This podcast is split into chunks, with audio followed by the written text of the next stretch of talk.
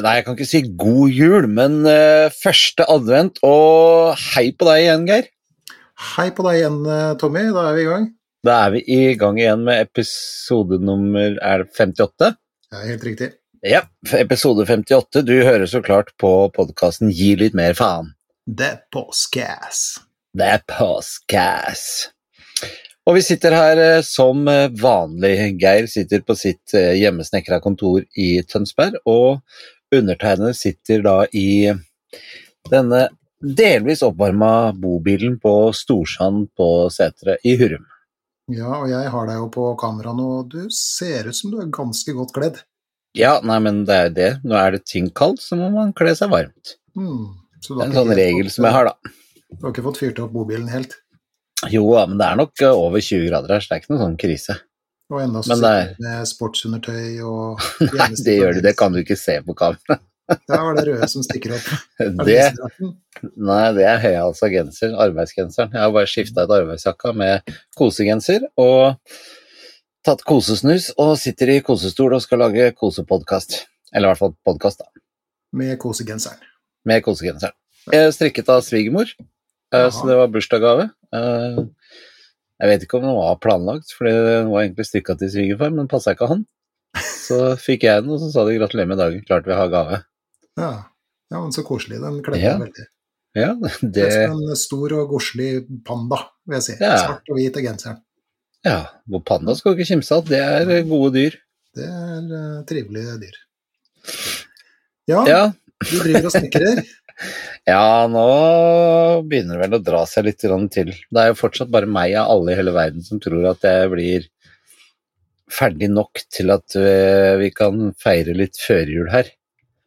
Ja, okay. Så Så de andre har ikke så trua på det? Nei, verken håndverker eller hun, hun jeg bor med, har noe særlig trua på det. Så Men eh, jeg har tatt feil før, jeg, så jeg gir meg ikke, jeg. Ja, Er du av typen som hvis noen liksom ikke har trua på noe, så klinker du til, da, eller? Nei, men det er mer sånn Jeg prøver å gjøre det jeg kan for å rekke det, og uh, går det ikke, så får jeg jo svar på det da. Jeg gidder jo ikke å planlegge nå at jeg ikke får det til. Veldig sånn metakognitivt av deg, syns jeg. Er det det? er det Ja, det er ikke meningen, det var det, men jeg mener det jo. Ja, ja. Uh, fordi at uh, jeg syns det er mye bedre å være nesten ferdig 21.12., som jeg har satt som mål, å være nesten ferdig enn å gi opp nå i november. Mhm. og jeg er sikker på at jeg får gjort mer allikevel enn om jeg hadde gitt opp. Antagelig. Antagelig. Det er ikke stort som hadde vært gjort hvis du hadde gitt opp, nei. Nei. Men eh, sånn rent bortsett fra all den der og rivinga, bæringa og kappinga og gud veit hva du driver med. Har du Mm. skada deg noe siden sist, forresten? Nei, Det det har jeg faktisk ikke. på. Du har ikke Ja, nei, ingen skader i det hele tatt. Litt skade av stolthet noen ganger når jeg gjør feil, men det er det eneste. Ikke Ja. Ikke noe som gir verken arr på sjela eller skinnleggen. Nei, ikke sant. Så Men eh, det er, eh, det, er, det er jo måten å opparbeides erfaring på. Det er jo å gjøre feil. faen, hva jeg lærer av å tilbringe tiden med deg, er bare helt sprøtt. Mhm. Det er eh, Men jeg er helt enig. Og hvis jeg skal få, få fortsette på den i ånden av denne podkasten, så, så kan man jo også, ikke sant, strekke den litt lenger og, og tenke kanskje at ja, men det er jo sånn i livet òg. Ja, det er faktisk det. Vi skal faktisk gjøre feil. Skal faktisk gjøre feil. Men tror du vi lærer mest av feil, eller tror du vi lærer mest av suksess? Jeg tror vi lærer mest av feil. Ja, du tror det? Ja. For det gir en sånn uh, uggen følelse som mange av oss ikke har lyst til å ha igjen. Men mestring gir jo også en god følelse som du har lyst til å ha igjen. Jo, men gode følelser, liksom. Jeg vet ikke. Jeg vet ikke. Jeg, jeg tror vi lærer mest av å gjøre feil, altså. Ja, men da noterer jeg det som, her. jeg så en sånn eh, greie på det en gang, skjønner du. Det var, var en sånn storkar innenfor business Mhm. som uh, ble spurt sånn cirka rett og dette er fritt etter uh, hukommelsen, da, men han ble spurt om hvordan gjør man uh, suksess? Ja, og så var svaret jo det gjør man får, altså, det får man gjennom erfaring. Mm. Jaha, hvordan får man erfaring da? Gjennom å gjøre feil. Ja. Så suksessen og suksess er litt sånn Ja, jeg vet ikke, jeg. Litt sånn halvkjipt ord i denne sammenhengen, selvfølgelig, men, men eh, men kimen til å til slutt få det til, da, om vi kan kalle det det, Mm. det ligger i, i feilene, antagelig. Ja. Sånn som jeg ser det, da. ja, jeg tenker litt mer sånn at uh, det er det vi er oppdratt og indoktrinert til å ha lært fra første dag, at eh, vi lærer av våre feil, og du må prøve å gå veien blir til mens du går, og alle de Mm. tingene. Og så tenker jeg sånn De gangene jeg har lyktes med noe og gjort noe ting som jeg er veldig stolt av, så eh, Og den mestringsfølelsen, sånn f.eks. nå mens jeg holder på å bygge, så lærer jeg veldig mye av det òg. Mm. Så når jeg står og holder på med noe av det samme, så jeg, hvordan var det jeg gjorde det der borte når jeg fikk det til? Mm. Så enten så kan man tenke sånn, eller så kan man tenke sånn Å, nå må jeg passe meg for at jeg ikke gjør det som jeg gjorde Mm. feil der borte også. Mm. Så Og når, når du for eksempel når du, altså din, om vi kan kalle det kreative prosess da, når du Mhm. ikke, er sånn, jeg håper ikke du er så veldig kreativ med huset ditt, men, men du, du har jo en ikke ubetydelig karriere bak deg innenfor, eh, ja, jeg skal ikke holde på å kalle det det offentlige liv, ja, men, eh, men ja. ikke sant, komedie og TV og all verdens greier, så, Mm. så ligger det jo ofte en, en, eh, en kreativ prosess bak det, og, og jeg antar at det å gjøre feil og sånt er, en slags sånn kjerne i det også. Ja, absolutt. Eh, Men jeg tror kanskje, når du sier det sånn nå, så tror jeg kanskje jeg tenker at eh, det er litt av begge deler. jeg. For jeg prøver også å tenke hva var det som gjorde at jeg lyktes så veldig godt med den teksten, eller hva var det jeg gjorde med den fremføringen som gjorde at det blei så god stemning i salen, eller hva var det som gjorde at det programmet gikk så innmari bra, eller hvorfor gikk det intervjuet innmari lett? så du prøver å trekke essensen ut av det, på en måte? Mm. Ja, ok. Mm. Ja, og det er, eh, det er jo mange områder i livet vi kan forhåpentligvis gjøre det på, da. Mm. Men du, siden Ja. eh, sist da, det har jo gått 14 dager eh, siden vi lagde forrige episode, vår mm. vane tro. Mm. Eh, har det vært? Hva skjer? Det har vel eh, vært så busy som det noen gang har vært på veldig lenge. Ok. For det er jo denne husgreiene, og så er det jo barnevern, eller denne barnevernsinstitusjonen, som jeg har vært på to vakter siden sist.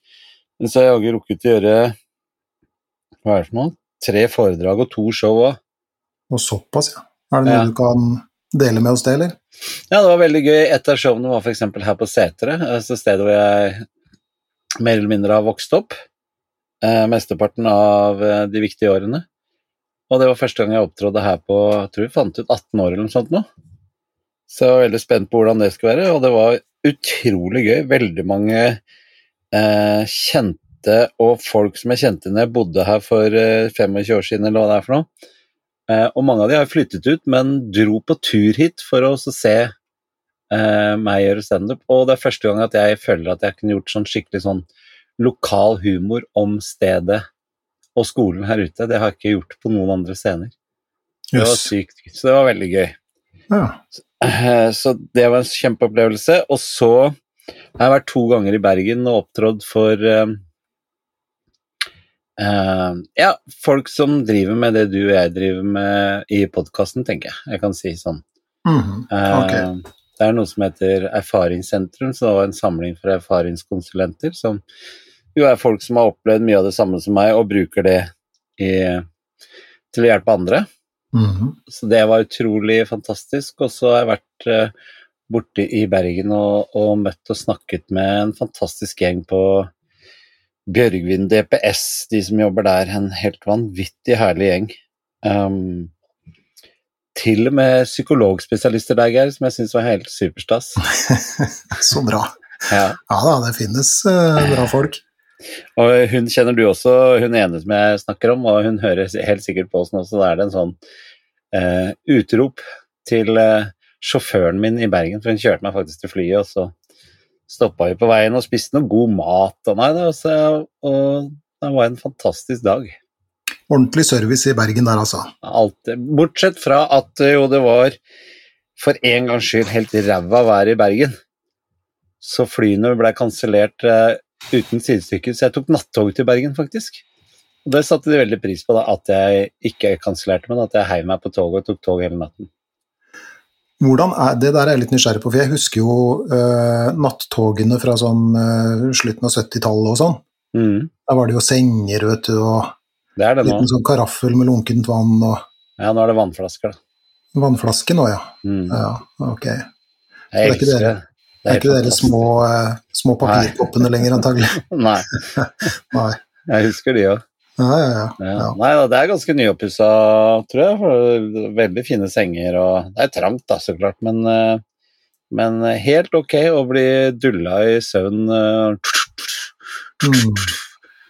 Men det kom fram veldig tidlig til Bergen. Det kom fram klokken fem på halv syv. Oi da. Og det var storm og regn, og det er jo midt på natta, ikke sant? så det var bekmørkt. Eh, og til og med Bergen by, svære Bergen by, var det totalt livløst klokken fem på halv syv, så jeg visste ikke helt hva jeg skulle gjøre av meg før klokken elleve jeg skulle være på jobb. Så da fikk svigermor og svigerfar et litt eh, overraskende besøk klokka sju om morgenen. De skjønte ikke noe når jeg sto utafor og ringte på. Og de tasset ut i morgenkåpe og pysj, eller? De hørte ikke ringeklokka, så Linda måtte vekke dem med telefon. Ja. Og da var de, å, her kom inn fra regnet, venner, er du her? Og det er veldig neimen, så koselig. Og så fikk jeg nydelig frokost av svigermor og svigerfar. Og jeg slapp å fryse, så det var en kjempefin dag. Mm. Du da, har det skjedd like mye hos deg? Nei, det har det på, på ingen måte. Takk Gud, hadde jeg nær sagt. Ja?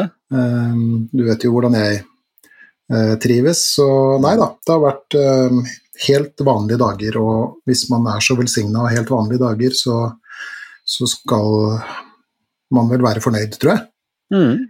Eh, så Nei, altså det er jo Det er jo eh, Det er noe med Jeg, jeg tenkte på det her forleden, faktisk. eh, eh, dette med å liksom opplever nærmest å nærme meg en sånn ny livsfase, i og med at barna forsvinner ut og, og sånt noe.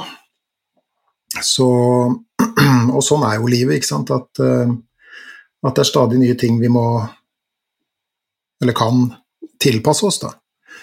Eh, Så jeg er jo spent på den fasen her. Nå er det jo ja, rundt regna halvannen måned til sønnen forsvinner ut, og han er i dette øyeblikket ute og driver marsjtrening, ikke sant. Han skal jo nordover etter hvert og, og, og lære å slåss av det, holdt jeg på å si. Fantastisk. Alle skulle vært det. Ja, det er sant. Vi går glipp av noe når vi ikke lar ungdommen få anledning til det. Men eh, Mm. nei, det er noe med det å, å tilpasse seg nye livsfaser. Og min kone jobber jo turnus, hun er jo, som du vet, i, i helsevesenet og er av gårde på nattevakt nå, faktisk. Og det jeg ser, er jo at jeg kommer til å være mye aleine. Ja. Og da er jo spørsmålet hva, hva gjør jeg med den tida? Kan ringe meg da, vet du, Geir. Ja, det gjør jeg jo stadig, og vice versa, hadde jeg nær sagt. Men, eh, men det er jo, ikke til forkleinelse for deg selvfølgelig, men det er, jo, det er jo grenser for hvor underholdende det blir i lengden. Eh, Så vi må vel finne andre ting å gjøre også. Tenk å gape sånn. Ble en fornærma? Nei. Nei. Uh, Nei da. Uh, vi kan Men jeg er ikke bekymra for deg, da. Du er jo kjempeglad i å være aleine. Ja, det er jeg. Jeg trives veldig godt alene. Ja. Um, Kunne godt vært fyrvokter i så måte altså. du kunne det? Ja, det kunne jeg. Nei, det kunne ikke jeg, altså. Nei, det Men jeg er jo ganske alene, mye aleine her på Hurum, da. Så, mm. så uh, Men Så du, tåler, nei, du jeg, tåler det godt? ja, jeg gjør det, men jeg syns det er eh, Jeg syns det er veldig godt å ha Mac-en her på bordet, se litt på YouTube, lære, skrive litt, tenke.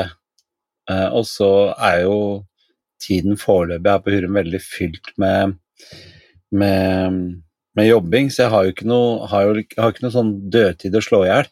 Mm. Så det gleder jeg meg til jeg får, og gleder meg til å ta opp igjen dette, ja, disse strabasturene og sånne ting, vet du. Ja, for det Eh. var nemlig noe jeg tenkte jeg skulle spørre deg om i dag. For det er jo en stund siden du har, uh, har nevnt. Ja, Du- det har ikke fått gjort det siden i sommer. Jeg har ikke fått gjort det siden i sommer. Det blei jo brått bestemt at vi skulle flytte på oss. og- Men jeg har undersøkt, gjort mye research her ute på Hurum, da, så det er jo vel så gode muligheter til å gjøre det her også. Og snakker mye med folk om det, eh, og veldig mange som er klare til å bli med når jeg setter i gang igjen. Mm. Så du har noen eh, såkalte lokasjoner som kan være høyaktuelle. Mm, absolutt. Ja, det blir um, spennende det, altså. Og det er gøy, for det er også eh, der jeg tilbrakte veldig mye tid som, eh, som gutt i oppveksten. Jaha. Så eh, jeg gleder meg veldig til eh, å, å ta i bruk og se disse stedene igjen som jeg ikke har sett på 30 år. Mm. Så jeg blir litt nostalgisk her nå, men jeg gleder meg til det, for jeg kjenner jo Og det var rart, for jeg har hatt én tur oppi her og tenkte at nå er jo ting helt forandra, jeg har glemt alt, men det er helt utrolig hvor mye man husker. Ja, ja. Eh, må ikke bare- snakke. Det er hva jeg fant fram rett, den, og den stiene syns jeg så ganske like ut også. Var litt mer uh, hogd skog noen steder, det var eneste forskjellen. Mm. Men ellers så var det Fordi det er jo kommet en motorvei her etter at jeg flyttet derfra, som går over til Drammen. Men bortsett fra det, så var det eh, Det var nesten som om det skulle vært uh, for en måned siden, skjønner du. Mm. Mm. Ja. Så helt like ut, og de bader på de samme stedene og Nei, så det gleder jeg meg veldig til. Mm. Jeg har samme opplevelsen når jeg er i min, eh, min, mitt barndomssted, Langesund i, i Telemark, hvor jeg liksom Hvis jeg går eller løper i, i skogen der, så er, jeg kjenner den skogen som en egen Mm. bukselomme. ikke sant? Altså Jeg kunne løpt der i blinde. Eh, Så det er veldig rart. Mm. Og så har alle de årene gått, liksom. Så stedet er ikke endra, men vi er endra, på en måte. Ja, det er Mm. rart. Det er rart. Veldig rart. Nei, så det gleder jeg meg veldig til eh, å få komme i gang igjen. Og... Men nå er det Nå er jeg, er jeg veldig sånn positivt og Eller positiv og veldig innstilt på Det er en periode nå fram til ja, februar-mars, tenker jeg. Eh, Så skal alt som jeg har planlagt, være i boks. Mm. Uh, og da kommer jo våren, og, og da blir det jo en eh, fantastisk vår og sommer her på Hyrum, som jo hvor hele Hyrumlandet våkner til liv, på en måte. Men jeg syns det er også Jeg hadde, var egentlig litt spent på hvordan det skulle bli med vinter her. Og nå er det jo kuldegrader, skikkelig kuldegrader, eller skikkelig, det er tre-fire kuldegrader, men Jo, jo, men i forhold til hva vi har hatt tidligere i høst, da. Nå sitter det noen finnmarkinger og rister på huet, antagelig. Ja, det, men jeg mener altså i forhold til hva det har vært tidligere i høst, så er det nå Mm. Vinter-vinter. da, Det er tæla i bakken, og det er frost på bilen, og det har ikke kommet noe snø ennå. Så det er veldig mørkt ute. Og jeg teller jo bare ned dagene til 21. desember, så eh, Men det er veldig stille og rolig her, og veldig vakkert. Og jeg har ikke tatt opp båten, så jeg har også vært ute på sjøen på vinteren, og det har jeg ikke vært før. Jeg tror ikke jeg har vært det før. Ja, så du skal ikke, skal ikke ta opp det? Nei, skal ikke det. Nei. Nei, det er en, antagelig en sjarm ved det òg. Mm. Så lenge man er godt kledd og har en redningsvest, så er man vel innafor. Redningsvest har jeg alltid. Ja, det er bra. Det er bra. Ja, nei, men du, vet du hva, jeg tror faktisk vi skal komme i gang med det som er det egentlige temaet for podkasten. Ja. Ikke helt gærent. Det er første advent. Vi må snakke om at nå er vi i gang med jula. ja, i henhold til mine standarder så er vi ikke i gang med jula. Nei, men på onsdag så kan du begynne å spise marsipan. Tenk på det. Ja, onsdag er ikke det Ja, blir det onsdag? Ja visst, søren blir det. Ja, Ja, da kan jeg spise marsipan. ja Gleder du deg til det? Å, gjett om. Jeg skal raide butikkene. Ja, I fjor så var det en eller annen sånn der, sikkert noe covid-greier eller sånt, som gjorde at de det gikk tom veldig fort. Mm. Den feilen gjør jeg ikke en gang til. Så du ser, Nei. ikke sant? Erfaring og vonde følelser, det, det gjør at man eh, forhåpentligvis handler litt raskere neste gang, og, og eh, det har jeg tenkt å gjøre i år. Jeg skal hamstre. Det gjorde jeg i fjor pga. at det var covid, og opplevde veldig suksess med det, så det har jeg tenkt å gjøre igjen i år. Ja, ok. ja, det er bra. Det er bra. Gi meg Jeg- ikke helt, gi meg ikke helt ser du. Nei, jeg hører det. For øvrig, så hvis det skulle være noen fra Nidar eller et eller annet som eh, lytter til der, så syns jeg det er fortærende at man har marsipan for alle sesonger, men ikke sommeren. Jeg er helt enig. Det Jeg savner sommermarsipanen. Solmarsipan. Ja, Ja. for, for eksempel. Mm. Kan eh, forme dem som badeballer eller et eller annet. Mm. Det er, eh, tenker jeg hadde vært helt innafor. Og det er antagelig en nisje som ikke er prøvd. Mulig de har testa det ut, og det ikke Jeg vet ikke, er det, er det sjokolade du tenker mest på når du ligger på stranda? Sjokolademarsipan? Ikke sjokolade, men jeg hadde nok stappa et par eh, marsipanbadeballer i kjeften, ja. Du, de må jo lage is med marsipan. Det er det ingen som har gjort. Nei, det er jo Men- rågodt.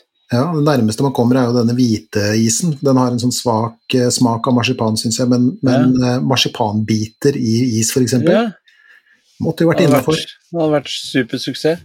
Ja. Enda en Ja. idé der, altså. Denne gangen for uh, Henning Olsen-is. Slå Ja, vi sammen Nidar. sponsa. Vi er ikke sponsa.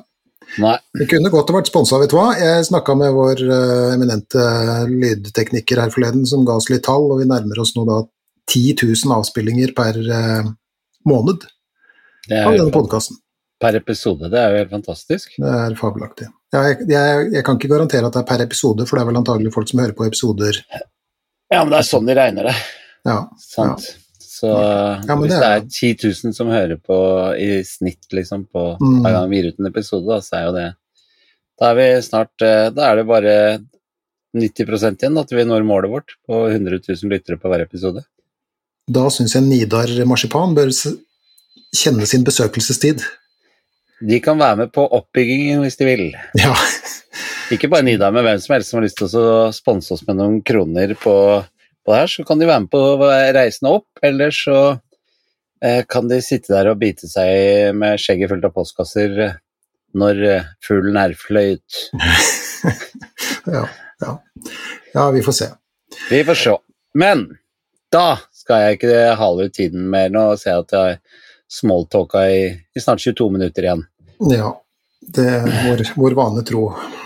Men Vi skal altså da videre i eh, en liten sånn føljetong eh, nå, Mm. som jo blir fortsatt etter uh, nyttår. Jeg tror vi skal lage en, uh, en episode i denne føljetongen til, og så en liten julespesialprat Da må vi ha. utover.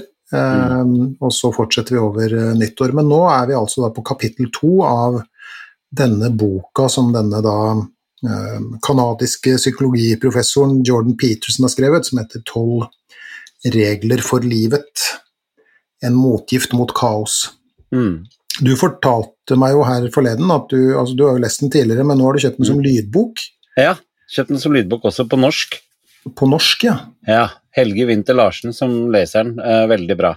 ja. Eh, og han har hatt litt av en jobb, jeg tror det er 57 timer. 57 tider med, timer med prating. Ja. Du verden. Så det må sikkert vært litt av en jobb å lese inn den uh, boka der. Men, Ja, på. men uh, veldig Veldig Eneste jeg skulle ønske, var at Ark eller Nordli eller hvem nå enn det er som gir ut det, jeg tror det er Ark jeg kjøpte den på, er at det skulle vært muligheten til å så switche mellom kapitlene der òg. Og nå kan det godt tenkes at noen hiver seg på mailen og forklarer hvor dum jeg egentlig er, at det er faktisk en måte å gjøre det på, men jeg har ikke funnet den. Nei, ok, så du må jo høre, høre kronologisk. Ja. Uh, du kan spole og sånn, uh, men da skal du jo liksom Heldigvis så har jeg da lest boken før, sånn at jeg kan spole og så skjønner jeg at når du snakker om de Ok, da er det det kapittelet, så kan jeg spole litt og litt tilbake til starten. Mm, mm. Så, så den regelen som vi skal snakke om i dag, hørte jeg på Ja, hva var det jeg sa til deg? Torsdag eller noe sånt? Torsdag-fredag. I dag er det jo Mhm. søndag. -hmm. Så da hørte jeg hele kapittelet på lydbok. Ja, ok. Og jeg har uh, lest det enda en gang, Mm.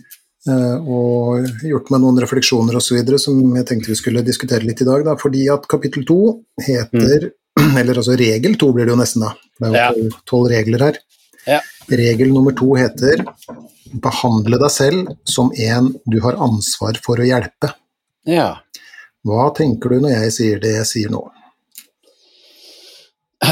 Jeg tenker at det er veldig Veldig mye av de tingene som um, Jeg mener at du nevner det litt i boka di også, uh, hvordan gi litt mer faen. Um, og egentlig litt sånn eh, ting som jeg har lært meg de seinere årene. Så det første jeg tenkte på når jeg så den overskriften på den regelen, så kjente jeg meg igjen med at med den at du skal ikke kunne si til andre det Nei, du skal ikke kunne si til deg selv det du ikke kan si til andre, typ. Mm. Ikke sant? Og at vi er altfor slemme og stygge med oss sjøl og sier ting som vi aldri hadde våget å si til noen andre, men vi våger å gjøre det til oss selv. Mm. Så det var det første jeg tenkte på når jeg leste den eh, overskriften og leste den regelen den gangen. Mhm. Mhm. Ja, bra. Eh, det første jeg tenkte, var det derre Det som kalles den gylne regel. Eh, og det er jo et bibelsk eh, prinsipp, men vi finner det også i, i alle de andre store sånn, verdensreligionene. Mhm. Både hinduisme og buddhisme og sikhisme, som det heter, Mhm. eh, har jo den eh, varianter av den regelen, altså gjør mot andre det du vil at andre skal gjøre mot deg. Mm. Ja, og vi har jo også en, en, annen, en annen variant som er noe i retning av du skal elske de neste som deg selv, osv. Og, og Og så har du på fly også. ja, det har du også, ikke sant? Ta på din egen maske før du hjelper andre, det er jo en, Ja. en slags eh, variant av det. Eh, som jeg tenker vi skal komme tilbake til, faktisk. Men, og, og, og humanistene bruker jo også den eh, Eller har dette i sitt materiale, da. Sånn på si, så humane etikere og, og sånt noe. Eh, men det har jo, har jo en, en dyp religiøs bakgrunn. Mm. Jeg fant faktisk igjen den regelen i, i både Det nye og Det gamle testamentet, faktisk. Ja. Og så langt tilbake som eh, ca. 550 før Kristus, så var det da altså en, en kinesisk filosof som het Konfutse. Det er antagelig ikke riktig uttalt, men det får bare være. Eh, men som hadde da en, en eh, eh, variant av det, da. Eh, og, og sånn det jeg tenker, da, sånn helt sånn umiddelbart og innledningsvis, altså gjør mot andre det du vil at andre skal gjøre mot deg, eh, så høres det jo for meg da, eh, ut som en litt sånn sentimental hippieregel, at du skal gå rundt og være så god og snill og harmløs som mulig. Men det kan jeg love deg, det er ikke det Jordan Peterson mener. Nei. I det hele tatt.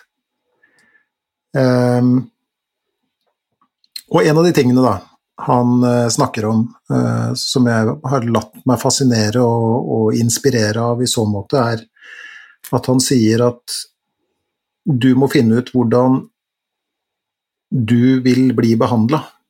Mm.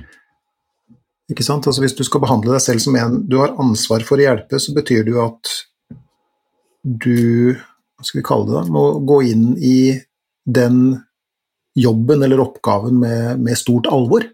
Mm. Eh, fordi at hvis det er noen du skal Hvis det er en person f.eks. du har ansvar for å hjelpe, så, så er det en oppgave som må tas uh, alvorlig, mener uh, Jordan Peterson. Og i dette tilfellet så er det deg, da. Og dermed så, så må du da gå en runde um, for å finne ut hvordan du vil bli behandla. Og han snakker jo om at en god eh, øvelse i så måte er å f.eks. da gjøre seg noen refleksjoner over hvordan du eksempelvis vil at barnet ditt skal bli behandla av andre og av verden, på en måte. Og det er jo der det er lett å tenke at ja, jeg vil at alle skal være snille med barnet mitt. Ikke sant? Men så er jo spørsmålet vil du egentlig det? Hvis alle skal liksom gå rundt og være snille mot barnet ditt, hva lærer eh, barnet da? Mm. Fordi at en del av det å bli et menneske med stor M, da, en person som kan handle i verden, på en måte, og det er jo det som Jordan Peterson er fundamentalt eh, interessert i og snakker mye om, og har som et slags sånn hovedprinsipp i alt han snakker om, egentlig, eh, så ligger det jo det at La oss si at du har et barn, og alle behandler vedkommende med snillhet og godhet hele tida, så lærer ikke barnet f.eks. å eh, bli utfordra, møte sosiale grenser, lære kunsten å bli irettesatt, f.eks. Eh, det lærer ikke å møte motgang. Og, Tåler og dermed- ubehag? Nei, tåler ikke ubehag, ikke sant. Og dermed gjennom ubehaget og det å bli utfordra, liksom bygge erfaring og, og, og livsstyrke og livskompetanse eh, på en måte. Og det var jo det her som Jeg har jo nevnt det her tidligere, men det er verdt å, å gjenta, for han sa jo et eller annet foredrag at eh, Han stilte spørsmålet vil du ha et, et såkalt lykkelig og smertefritt barn, eller vil du ha et, et kompetent og kall det motstandsdyktig barn? Mm. Uh, og det gjorde jo at jeg begynte å se på min barneoppdragelse med litt uh, andre øyne, for å si det sånn. Mm. Uh, hvordan, hva, hva, slags far har du vært i så måte? Altså, har, du, har du latt barna dine få kjenne på motgang, eller, eller, har du vært litt den derre For vi snakker jo mye om den derre curling-generasjonen og helikopterforeldre og Jeg hørte, mm. fortalte deg, jeg har hørt et utrolig interessant begrep her forleden. Intensivforeldre. Oi, ikke sant? De som er på ungen hele tida og rydder vei og ordner opp og alt for å liksom skape så, mye, så lite smerte som mulig. Da. Jeg kan vel si såpass at uh, er det noe som har vært roten til diskusjoner i vårt hjem mellom meg og min kjære, så er det jo akkurat uh, at jeg mener vel i større grad å være enig med Jordan Peterson enn det kanskje min kjære, eller begge to, holdt jeg på å si, for jeg jo, har jo barn med to damer mm. uh, enn de har vært villige til. Og jeg har vel egentlig vært opplest og vedtatt litt prøvd å ikke drive for mye med den dullingen. Mm -hmm. Men Hvor, så, ligger det i dulling, da? Nei, akkurat dette her Jeg tror, og Jordan Peterson snakker litt uh, Mener jeg husker det kapittelet, i hvert fall så kommer det jo et kapittel senere hvor han snakker om det med, med barn og barneoppdragelse også. Uh, så tror jeg uh, at vi gjør barna våre en bjørnetjeneste, da og jeg er absolutt med på det selv, så jeg skal ikke, skal ikke verken prøve å påberope meg at jeg er så innmari god i noe som helst, men jeg har i hvert fall vært klar over det, og i større og større grad etter hvert som ungene vokste opp, så tror jeg at den beste tjenesten jeg kan gjøre for barna mine, er ikke å fjerne alt som heter ubehag, for det lar seg ikke gjøre, men at jeg kan være med på å gjøre de sterke nok til å tåle det når det ubehaget kommer. Mm -hmm. Men der er ikke eh, barnemødrene helt enig. Mm. Mm. De har vel mer innsyn. det går ikke an å skjemme bort et barn for mye med kjærlighet osv. Så, videre.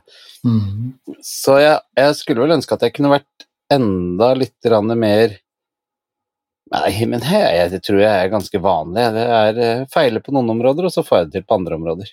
Mm. Mm. Enn en, um, en deg selv, da? Det blir et helt eget kapittel. Ja, fordi at Der har jeg ikke vært flink. Nei. Så jeg kjenner meg veldig igjen når jeg leste det, dette, denne regelen, så så jeg er en av de han snakker om som feiler skikkelig. Mm, mm. Altfor lite flink til å ta vare på meg sjøl som en jeg skal ta vare på. Ok. Har du, har du, et eksempel, eller? Nei, det er på mange områder. Det er på at jeg ikke er flink nok til å vare på kroppen min, syns jeg, altså helsen. Eh, jeg syns jeg er, eh, til tider er altfor streng med meg sjøl, og Hvordan da? Eh, nei, jeg er streng med, med meg sjøl på den måten at uh, jeg, jeg, kan si sånn uh, Jeg kan høre samtalen oppe på hodet mitt 'Herregud, om er det mulig? Hvordan klarte du å gjøre det?' Er du mm. helt, er du helt bak mål? Ingen mm. normale mennesker tenker sånn, ingen normale mennesker gjør sånn. Ingen normale mennesker sier, ikke sant, så jeg kan være streng med meg sjøl på den måten. Mm. Uh, så der har jeg vært uh, for slem. Og så i den bransjen som jeg da har vært i snart 30 år, så uh, blir man jo Mange tror kanskje at folk som står på scenen og, og får applaus og eh, blir gjenkjent og sånne ting, at de kun blir høye på seg sjøl og mister bakkekontakt. Jeg tror faktisk, spesielt i Norge i hvert fall, når jeg kjenner jo mange av mine kollegaer, jeg tror det motsatte er mye større fare. At, ja, eh, hvordan, da, tenker du på? Nei, jeg tror at det er mange flere eh, enn meg som er så kritisk til, eh, til seg selv og er så flaska opp og oppdratt og indoktrinert av janteloven Mm. At du er eh, på en måte aldri fornøyd. Mm. Jeg, husker, jeg, husker, at du eh, nevnte, nevnte en av våre eh, store artister som nå er, eh, er, borte, i hvert fall fra denne verden. Mm. Eh, Grete Kausland, altså hvor mm. selvkritisk hun, hun kunne være. Ja. Og jeg tror jeg har hørt noe sånt som at halvparten av de som jobber i Nationaltheatret også lider av seriøs sceneskrekk. Og, og det er den derre selvpininga hvor du går og sier til deg sjøl at dette her, hvorfor er jeg her? Jeg, jeg er jo ikke jeg hører jo ikke hjemme her i hele tatt. Her er jo det flinke skuespillere som er her. Her er det flinke komikere som skal stå på scenen. Hva gjør jeg her? Mm. Eh, og den derre, nå husker jeg ikke hva det heter, men den derre eh, halvveise fobien og redselen for å bli avslørt. Mm. At eh, Mm. du har bare juksa deg til, til den suksessen som du har hatt, da. Mm. Um, så jeg my har vært mye flinkere til å si dumme ting til meg sjøl enn uh, fine ting til meg sjøl. Mm. Jeg er blitt bedre, da. Ja, ok. Jeg synes, nå syns jeg av- til og med av og til at jeg er en uh, veldig ok kar. ja, ja, Ja. ja. Kan det bli for mye av det òg, da, tror du? Nei, Nei, nei. det tror jeg ikke. Så du tror ikke at man kan bli litt vel sånn sjølopptatt og ja, men da vipper det over til, eh, til andre syndromer og sykdommer som jeg tror du ville fått beskjed om, i så fall. Men, ja, Ja. men, men hva Altså, det der syns jeg er så fascinerende, for at altså hvis man har liksom sceneskrekk, man har ikke så mye trua på seg sjøl og sånt noe, men så er, likevel så er det jo veldig mange som dras mot det rampelyset og vil være der, ikke sant, uansett. Mm. Altså, jeg husker jo jeg leste en historie om om Wenche Foss, hvordan hun kasta opp før hun skulle på scenen hver eneste gang helt til den siste forestillinga. Ja. Eh, og, og likevel så gjør de det igjen og igjen. Altså, hva er greia? For jeg, jeg har ikke det genet i meg, liksom. Ikke sant? Altså, jeg kunne ikke tenkt meg å, å altså, Det verste jeg vet, er å stå på en scene og holde et foredrag eller et eller annet sånt, men Men hva- du gjør det jo. Ja, jeg gjør det jo. Jeg kaster jo ikke opp, da. Nei, men du er ganske Du er ikke veldig Har ikke så innmari mye høy i hatten når du Nei, eh, går på du dueller. skal. Nei, det skal jeg ha. Eh, så, nei, Men- det er vel akkurat det som er paradokset, da, ikke sant? Fordi at eh, Jeg husker ikke hvem komiker som sa det, men han sa vi er jo bare en bunch nevrotikere som, eh, som sårt trenger å bli akseptert, Mm. og som eh, har et behov for, for å få bekreftelse på at man er noe, om igjen og om igjen og om igjen og om igjen. Og det som er det paradoksale i det, er jo at vi søker til det som veldig mange av oss finner som ekstremt vanskelig og tungt og er redd for, for å få denne bekreftelsen eller denne aksepten som vi snakker om. Og når du Mm. får den aksepten og den bekreftelsen, så klarer du allikevel å mate huet ditt fullt med at nei, men de, de var bare veldig, veldig hyggelige, vet du. Og jeg så han ene der, han var sur hele tiden og Mm. Eh, ja, ja, men alle da reiste så Ja, men det er fordi de er høflige, og det har ikke noe med hva jeg har gjort, og så Det er så innmari innmari sånn motsetninger, da. Ja, det jeg tenker da, er jo at at Skal vi si, da At det virker som om den bekreftelsen på en måte da ikke kan, i hvert fall for mange av oss, da, ikke kan oppnås gjennom et sånn utenifra-stimuli, på en måte. Du kan ikke få det bekrefta på et vis. Nei, og det er jo er- der du kommer tilbake til det som du og jeg har snakket om, som du har hjulpet meg veldig med. Fordi at den roen, da som jeg, Nå kan jeg bare snakke for meg selv, men jeg vet at Mhm. det gjelder veldig mange av mine kolleger også. Den roen, eller den Det du tror du trenger en bekreftelse på, da, det du sårt mener at du mangler i, i livet, eller den aksepten eller noe sånt, noe som, som du jo da til syvende og sist ikke får allikevel, løses jo ved at man begynner å jobbe med å være fornøyd med seg sjøl. Mhm. Og jeg har jo, etter at vi to begynte å jobbe sammen, så har jo eh, mitt behov og min sult og min hunger etter å stå på scenen og få applaus og at folk skal like det jeg gjør, Mhm. blitt mye mindre. Mhm. Ja, der, der er vi jo også inne i et, et annet uh, merkelig paradoks, også sånn som jeg uh, ser det, og flere med meg for så vidt. For det her er jo ikke sugd av eget, uh, eget bryst, som det heter. Men, men ja, det er sant, det er en det er, det er, det Ja, det er bare så bra uttrykk. Ja, ja. Det, skal være bra myk for å få til det, liksom. ja, i hvert fall menn. Ja. Men, men Skal vi se, hvor var jeg nå, da? Um, Du syns det var et paradoks, det også? Jo, ja, for det er jo sånn, ikke sant Hvis man ser Og jeg mener jo at vi er Vi har et sånn terapisamfunn Mm. som jeg ser på med noe skepsis. Ja. Um, Jeg vet ikke om, om Hittil har det i hvert fall ikke gjort oss veldig mye godt, da. Um, syns jeg. Og så er det lov til å være uh, uenig. Men, men For der er det jo mye snakk om det å liksom være bra nok. Ja, men du er bra nok som du er, osv. Ikke sant. Men så tenker jeg jo samtidig ja, men det er jo fint, det. Mm. Og da kommer det jo litt sånn innafra. Mm. Men på den annen side, hvis du er såkalt bra nok, så, så mister du jo også et utviklingspotensial. Ikke sant? Så jeg tenker jo også at ja, greit nok, du skal i hvert fall ikke gå rundt og, og skjelle ut deg selv og, og, være brutal uten grunn.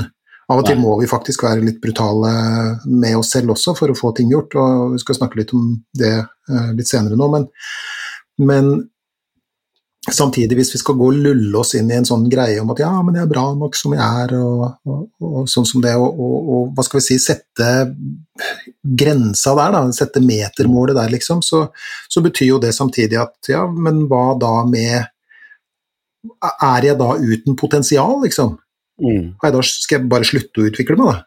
Skal jeg, mm. skal jeg, skal jeg ikke da strekke meg mot å, å, å liksom bli enda litt bedre til det jeg driver med, eller det jeg er, eller det jeg står for, eller ikke sant. Hva nå det er for noe, selvfølgelig. Altså, bra nok er jo et litt sånn løst eh, begrep. Og Derfor så har jeg en egen, en egen, teori på det der, da. Eller teori er det jo ikke, for den er jo ikke gjennomprøvd sånn, så det blir vel mer en hypotese, har jeg lært av deg. Eh, så, eh, men jeg mener jo at veldig ofte så handler det om hva er det vi sier til oss selv om Hvis vi nå tar denne urofølelsen som jeg snakket om nå, da, mm. som man ønsker, så har jeg jo lært veldig, veldig mye av deg som har hjulpet med det her med at hvis man tror at man skal gå rundt og være symptomfri, så har man en altfor stor oppgave foran seg. Mm. Så hva Så da tenker jeg Hva hvis denne uroen som mange av oss har i kroppen, hvis man begynner å tenke på det som en motor for å kunne nå noen mål mm -hmm. Jeg sier ikke at det skal være, at det skal være sånne skyhøye mål på allting. Og det er som du, som du har sagt det mange ganger òg, det er jo grenser for hvor ofte du skal bli skuffa over ikke nå målene dine. Mm. Da må du kanskje justere eh, ned i målene. Mm. Sikt lavt. Ja, men hvis vi, hvis vi sitter bare og er fornøyd med at nei, men sånn som jeg er, det, det må er mer enn bra nok, og det må folk akseptere, og sånne ting, så har jeg heller ikke noe motor som drar meg framover. Og hvis vi som menneskehet eh, har det som et felles, så vil vi ikke ha de som går ut av komfortsonen og, og, oppdager ting, eller prøver nye ting, eller finner ut av ting, eller utvikler seg eller er kreative. Fordi at det skjer ikke noe magi inni den berømte komfortsonen. Du må ut av komfortsonen for å kunne oppleve magi. Og det mm. er en pris, og den prisen er kanskje noe av den uroen du kjenner i kroppen, det er motoren. Mm. Så hvis man da begynner å si til seg selv at ja, nå kjenner jeg litt sånn urolig i kroppen, og ja, da er det vel noe jeg vil, da. Det er noe jeg mm. ønsker å få til. Mm. Så får man en mer uh, Jeg vet du hater det ordet, uh, men en mer positiv innstilling til hva den uroen er, da. Mm. At den kan brukes til noe, tenker du på? Ja, at holdningen er at ok, grunnen til at jeg ikke kjenner eh, meg helt i ro nå, er fordi at jeg ønsker noe. Jeg ønsker mm. å få til noe, jeg ønsker å gjøre noe, jeg ønsker å rette opp i noe. Det er noe jeg har uoppgjort, det er eh, Ikke sant? Mm. Mm. Et slags en, signal. Jeg syns det er en god hypotese. Mm. Ja, den, eh, den var ikke dum, den.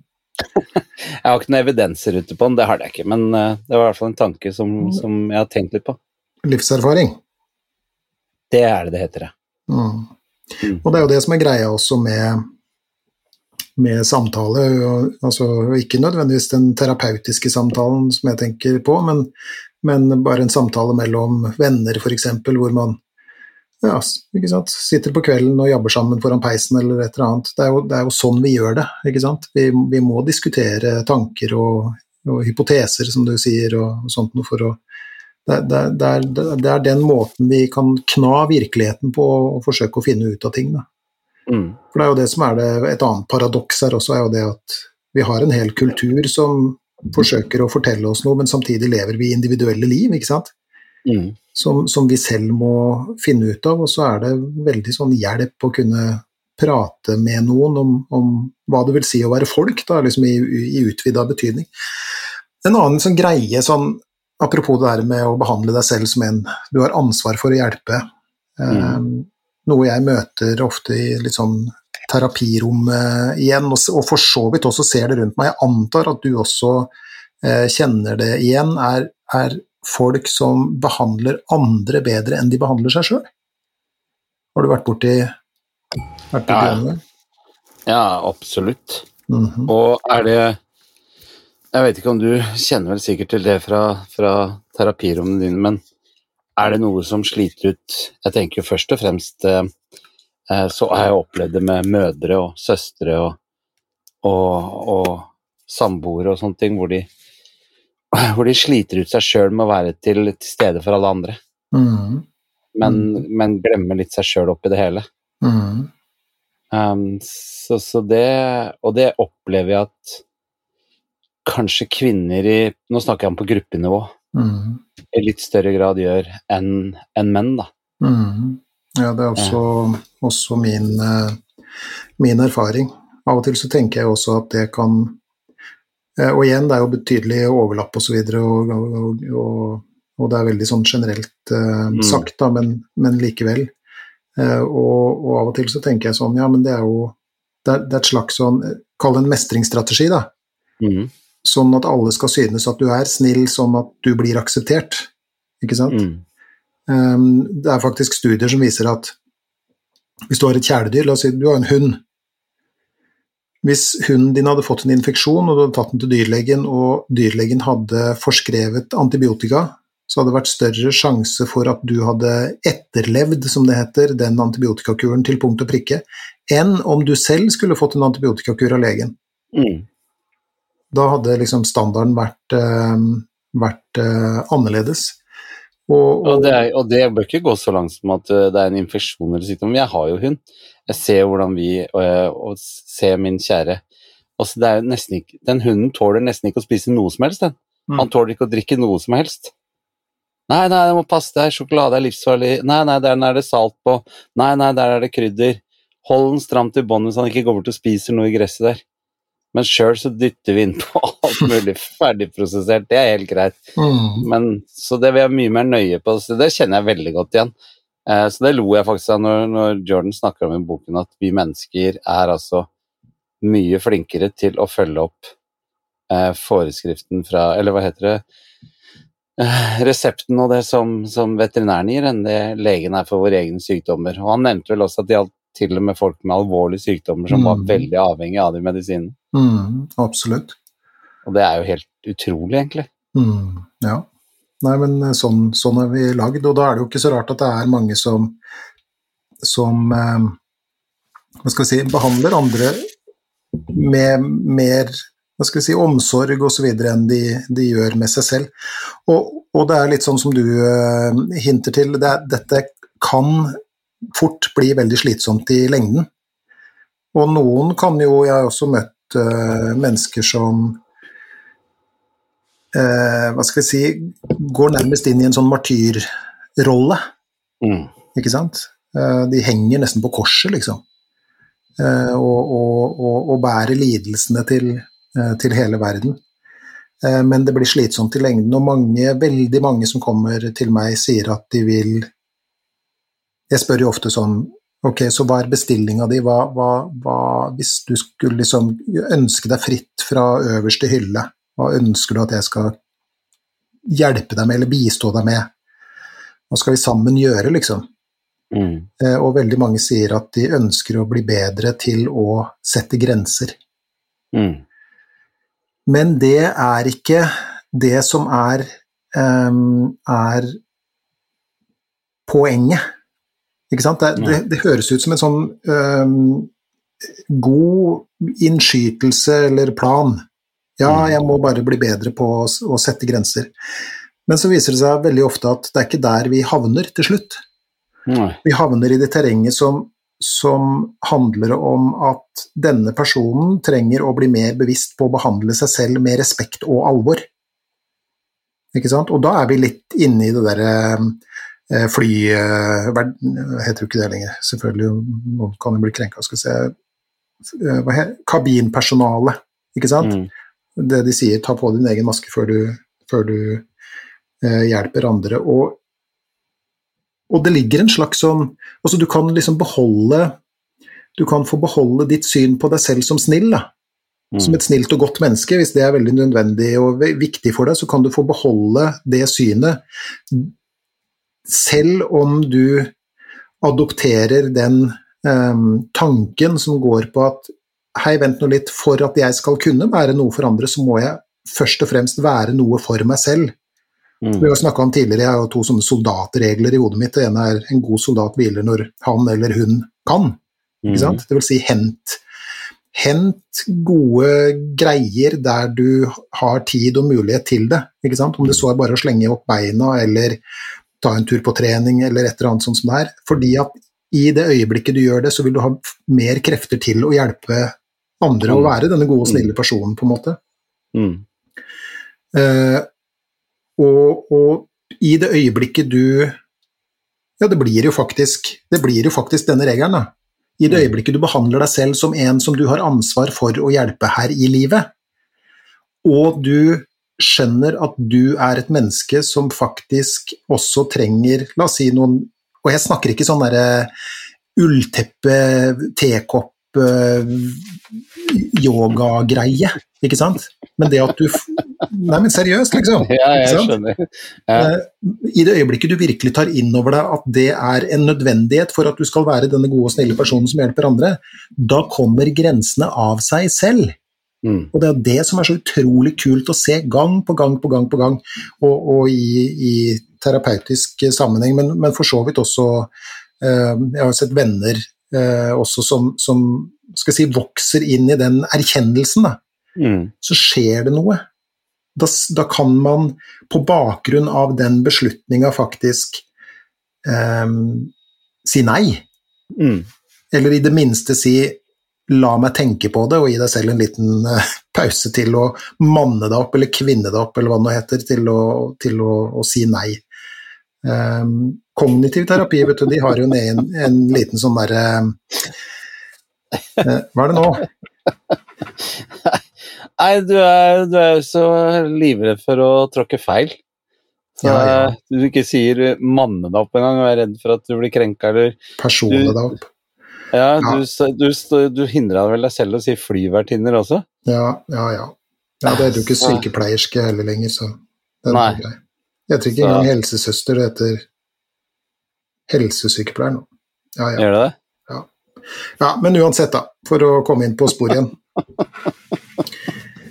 Kognitiv terapi, ja. CBT blant venner, de har et mm. sånt uh, Du kan kalle det sånn reflekterende uh, spørsmål de, de, får deg til å sette deg i eh, en, den andre stolen, på en måte, i overført betydning. Mm. Fordi at eh, spørsmålet er sånn Hva ville du sagt til en venn som mm. hadde det problemet, f.eks.? Og du verden hvor forståelsesfulle vi blir da. Jo, mm. overfor en venn. Ja, nei, da hadde historien vært helt Ja, da er det klart jeg hadde forstått det og vist forståelse for Ikke sant? Men, og, og, det er et sånt metaperspektiv, egentlig. Ikke sant? Du, du, blir bedt om å se deg selv og situasjonen utenifra. Eh, og, og, det har en, eller kan ha, og har som oftest en voldsom effekt på oss. Fordi at da ser vi plutselig eh, dobbeltstandarden, på en måte. Mm. Eh, og det var jo litt det som, som, som jeg jo sa innledningsvis også. Ikke sant? Det er jo ikke si ting til deg selv som du ikke kan si til din beste venn. Mm, mm. Ikke sant? Ja, jeg jo på Det er heller ikke sugd for eget bryst, dette, dette, her, men jeg mener å huske at uh, sånt, sånt, Hvis man tar for eksempel uh, ta det at man skal opp til eksamen, da. Mm. Så er man jo ekstremt spent og nervøs og gruer seg. Mm. Og driver og sier sånn Fy fader, den, den kommer til å gå til Jeg har ikke lest nok, jeg. Jeg kan faktisk ikke nok. Jeg kommer til å stryke på den eksamen, og jeg kommer og helt sikkert til å det er fordi at du er så jævla lat. Du kunne ja, gjort det bedre, bla, bla. Ja, men hvis en venn hadde kommet og sagt til deg at åh, jeg skal ha eksamen i morgen, jeg gruer meg, så hadde du aldri sagt ja, det er ikke rart du gruer deg. Mm. Du har jo ikke lest nok. Du mm. kan jo ikke noe om de tingene her som du kommer til å stryke. Det hadde du aldri ville sagt. Nei, nei, nei. Men for å hente opp igjen eh, noe du sa eh, litt tidligere i, i, i denne episoden, da. Mm. jeg tenker jo at en, en god venn vil være støttende, men samtidig også kunne kommentere dine blinde flekker, på en måte. Altså, de Nå har ikke jeg så mange eh, venner, men de Jeg har er. Du er er vennen. min, Tommy. Du Ja, er det. Du er det.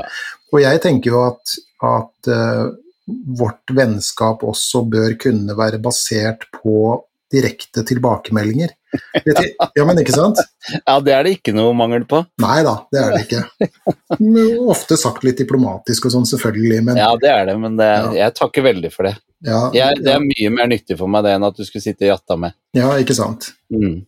At, og da er vi inne i et sånt eh, eh, prinsipp og, og som, som eh, si, vi i forskjellige versjoner har, har kommentert på i tidligere episoder. Da, men, men det er det der eh, litt sånn merkverdige prinsippet som går på at La oss kalle det da målet med Eller hva skal vi si um, uh,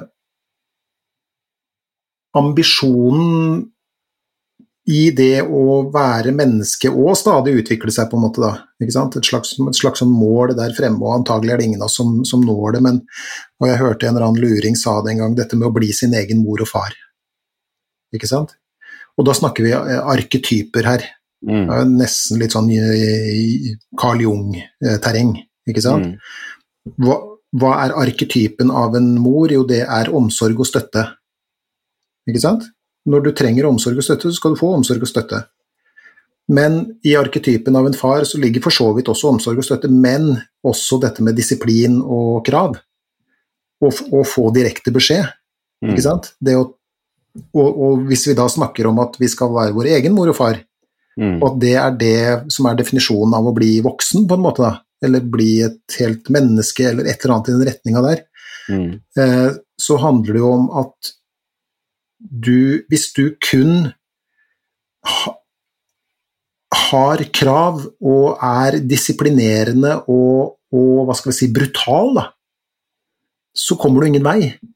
Nei. Og samtidig, hvis det er bare ulltepper og kamomille-te, Mm. så kommer du heller ingen vei. Du må ha en blanding av begge to. Det er det samme som med barneoppdragelse også, det. Mm. Uten sammenligning for øvrig. Men likevel, som et bilde på det, Mm. så trenger vi begge deler. Vi trenger den omsorgen vi må ha når livet er kjipt, men samtidig at noen Om de ikke har trua, så i det minste at de sier det, da. At dø, sett beina i gulvet og kom deg opp og sett i gang. Du klarer det her. Jeg, jeg, jeg tror på deg. Jeg har ryggen din. Det her er kjipt, det er jævlig, det er smertefullt, det er, det er fryktelig, men du vil klare det. Ikke sant? Mm. Og, og så er jo spørsmålet hvordan i huleste kommer man dit? Antagelig gjennom å være bevisst på det, og, og øhm, øve på det. Og jeg mener at man har en slags sånn moralsk plikt til å behandle seg selv øhm, øh, som du ville ha behandla noen du har ansvaret for, og virkelig ville det beste for den personen. Og da innebærer det begge de aspektene vi snakka om nå. Både den derre omsorgsfulle støttende og den med krav og, og disiplin, på en måte. Um, og da Det medfører på en måte at du At vi, da, må spørre oss selv om hva som ville ha vært bra for oss. Jeg må spørre meg selv hva som ville vært bra for meg, og ikke hva som ville gjort meg såkalt lykkelig eller noe sånt annet fjas. Ikke sant? Men hva ville vært bra eh, for meg i den situasjonen jeg er nå? Og noen ganger ville det vært bra for meg at jeg Ja, men jeg drar og holder det forbaska foredraget. Fordi at det er måten jeg utvikler meg på, til tross for det ubehaget det medfører for meg, ikke sant? Og av og til så vil det være bra for meg at jeg ikke er på trening hver dag, Mm. men at jeg faktisk hva skal jeg si, gir meg selv det andre rådet som jeg ville gitt en annen, da. Nemlig det at du trenger faktisk litt hvile av og til. Mm. Andre mennesker trenger det, og du trenger det. Og så er det noe med å finne liksom, hva skal vi si, skjæringspunktet der et eller annet sted, sånn at du ikke vipper helt ut på den ene sida eller helt ut på den andre sida. Jeg snakker ikke om sånn balanse og alle disse greiene her, men at vi beveger oss sånn cirka i midtterrenget, da. Men hva sier du? Bare helt umulig, selvfølgelig. Hva sier du til folk, eh, fordi jeg har snakket med mange, hva sier du til de som sier til deg ja, men jeg ser ikke at det er noe ved meg som, som er bra?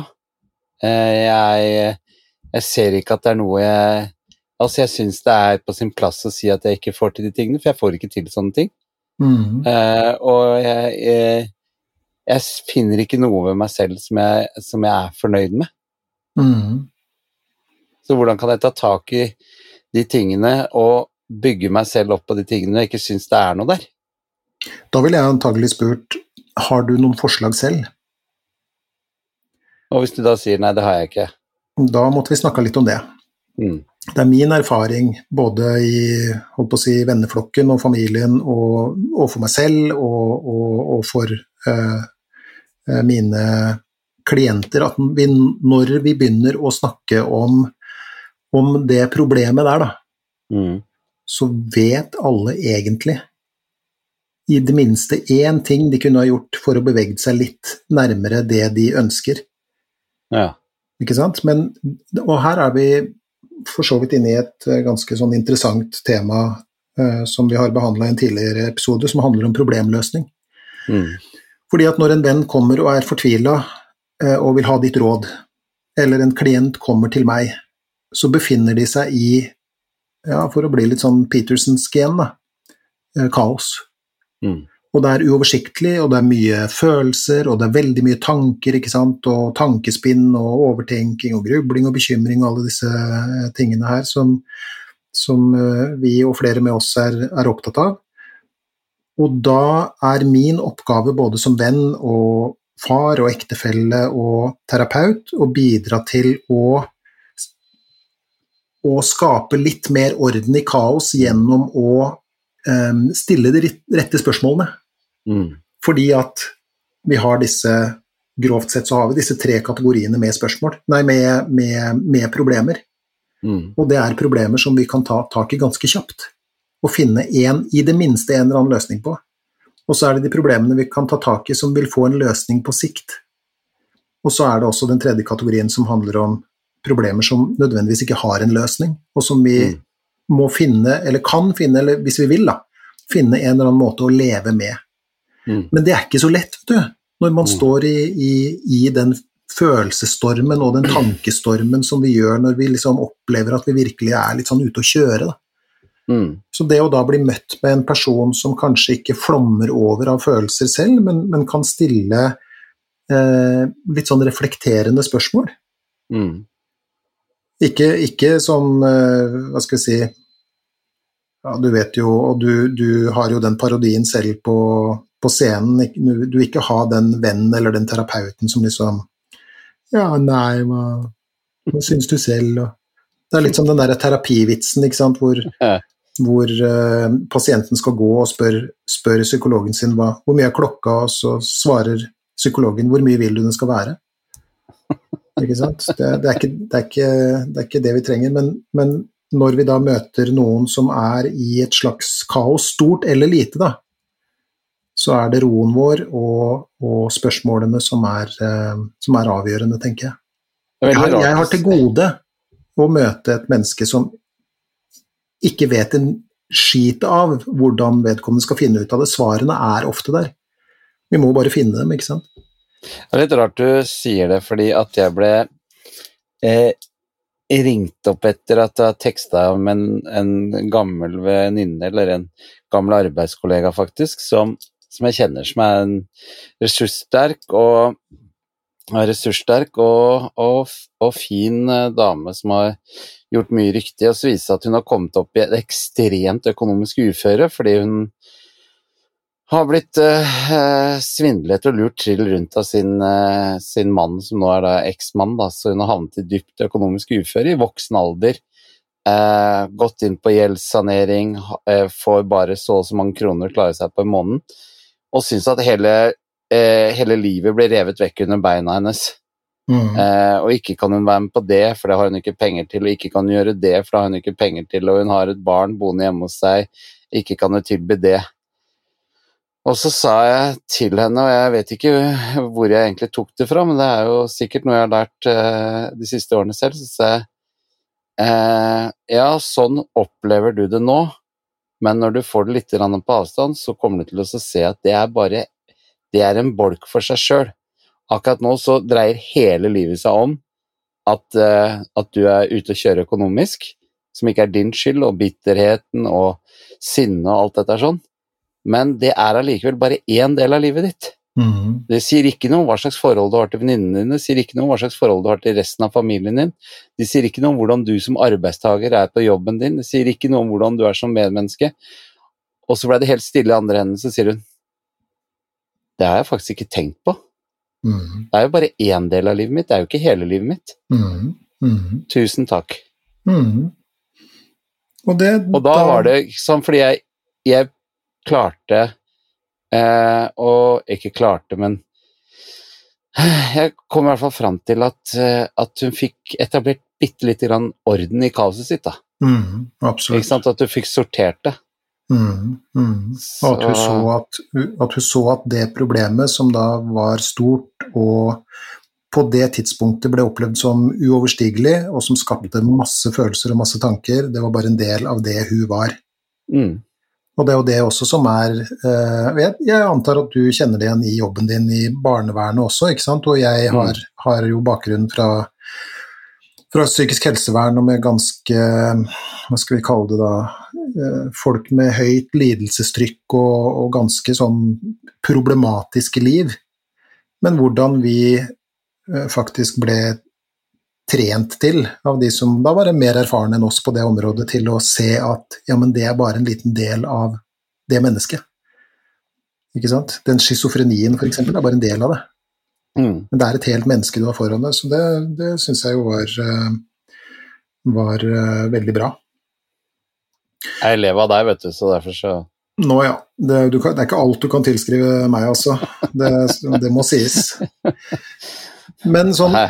Eh, tilbake til det der med at, at det finnes da noen, og ganske mange eh, blant oss, og jeg tror kanskje vi trygt kan konstatere at du og jeg også er blant dem, altså at noen som behandler andre bedre enn de behandler eh, seg selv ofte.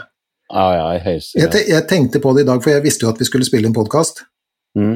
Og så var jo jeg alene i huset, jeg skulle lage meg frokost. Og det jeg da gjør, er at jeg tar, skjærer noen brødskiver og smeller på ei osteskive og så et glass melk, og ferdig med det. Men så tenkte jeg på det der liksom og Det her er veldig sånn hverdagslig og mikroskopisk eksempel, men bare for å liksom vise tankegangen, så tenkte jeg sånn Ja, men herregud, nå skal vi snakke om at du antagelig kommer et stykke på vei gjennom å behandle deg selv som en du har ansvar for å hjelpe, eller for å liksom Ikke sant? Mm. En som du har omsorg for, da. Mm. Og så tenkte jeg, hva hvis en La oss si hvis kona mi, da. Ikke sant? Eh, Hvis hun hadde vært hjemme og så sagt å, vær så snill, kan ikke du lage frokost til meg, det hadde vært så deilig. Hadde jeg da lagd mat på den derre skjødesløse, tørre måten der? Nei, jeg hadde jo diska opp. Ja. Og så tenkte jeg, ja vel, ok, da får jeg liksom leve som jeg lærer, da. Så lagde jeg en ordentlig fin frokost, som om jeg ville lagd den til andre, og så spiste jeg det sjøl.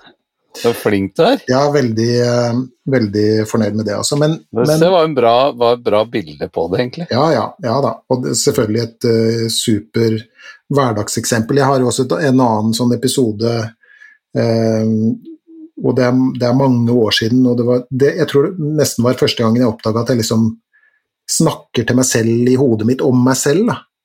Mhm. Eh, fordi at jeg hadde mm, Barna var små, og antagelig lå de og sov eller et eller annet sånt. som der. Igjen så sto jeg og skulle lage, lage meg noen brødskiver. Og så greier jeg å komme bort til den ene brødskiva sånn, liksom detter ned fra benken med pålegget ned og sånn, og så, så sier jeg høyt ut i rommet 'idiot'. Mm. Og da liksom, også tenkte jeg sånn der, ja men herlighet, jeg var jo bare, jeg var jo bare uheldig. Mm. På, på hvilken måte gjør det meg Hva skal vi si Gjør det meg til en idiot, da? Mm. Hvorfor skal jeg liksom fortjene å få kjeft for noe som var et Skjønner du hva jeg mener? Mm. Og, for, og fordi at hvis en av ungene mine hadde gjort det, eller hvis kona mi hadde gjort det, eller hvis du og jeg hadde vært ute på kåken din og du hadde mista ei brødskive i gulvet, så hadde jeg jo aldri kalt deg for idiot. Nei. Og det, da er vi litt sånn tilbake til det der med Ikke sant, altså øh, Hva ville du sagt en venn som Mm. Ikke sant? Hadde, hadde et problem eller gjorde et eller annet greier. Og jeg tenker Det, at det snakker du om i, i boken din også, Geir. Du snakker jo om akkurat de, de tingene Det der med å være sånn superstreng med seg sjøl og presse seg sjøl til eh, ting du ikke ville vært streng eller pressa andre til å gjøre. mm, Hva ja. godt kan det komme ut av det? Ja, det er noe med det, fordi at jeg tenker jo at og, og det her er jo ikke gjort i en håndvending, det er jo ikke det jeg sier, men, men det er jo også noe med å ha den bevisstheten knytta til det. da. Og det er jo det Jordan Peterson også inviterer oss til, altså det der med at du skal ha samme standard overfor deg selv som eh, overfor andre, fordi at noe annet er litt sånn dobbeltmoralsk. Mm. Eller til og med hyklersk, ikke sant? mm. Um, og, og, og en annen ting også, for, for dette, denne regelen har jo litt sånn eh, skal vi si, forskjellige, forskjellige tolkninger, på en måte. Altså, hør på det her, hva du tenker om det. Mm. Hvis du utelukkende er liksom brutal og nedsettende mot deg selv Én, hvordan er du da overfor andre? Det kan man jo begynne å lure på, ikke sant? Og to, hva kan du stå i fare for å signalisere med tanke på hvordan du vil at andre skal behandle deg? Mm. For at hvis andre ser måten du behandler deg selv på, og du behandler deg selv med liksom kaldhet og kynisme og, og brutalitet, så, så, så, så, sier det faktisk, eller det står i fare da, for å si noe om hvordan du på en måte vil bli behandla. Mm. Ikke sant? Og det er jo en fare, fare ved det også. At det kan ha litt sånne sosiale mm, følger for deg, ikke sant. Og jeg, jeg, jeg tipper at det vil vises ganske godt hvis man går rundt med en eller annen sånn mer eller mindre uttalt oppfatning om seg selv at man liksom ikke fortjener noe som er ålreit. Mm. Jeg snakker ikke om at liksom, du fortjener det beste, og, ikke sant? vi skal ikke over i det terrenget. Men at du i det minste fortjener å bli, bli behandla som folk, da. Og poenget da er at hvis du behandler deg selv som folk, så øker sjansen for at andre også vil behandle deg som, som folk. Mm. Henger det på greip? Ja, jeg syns det, det, henger på greip, men så tenker jeg jo samtidig med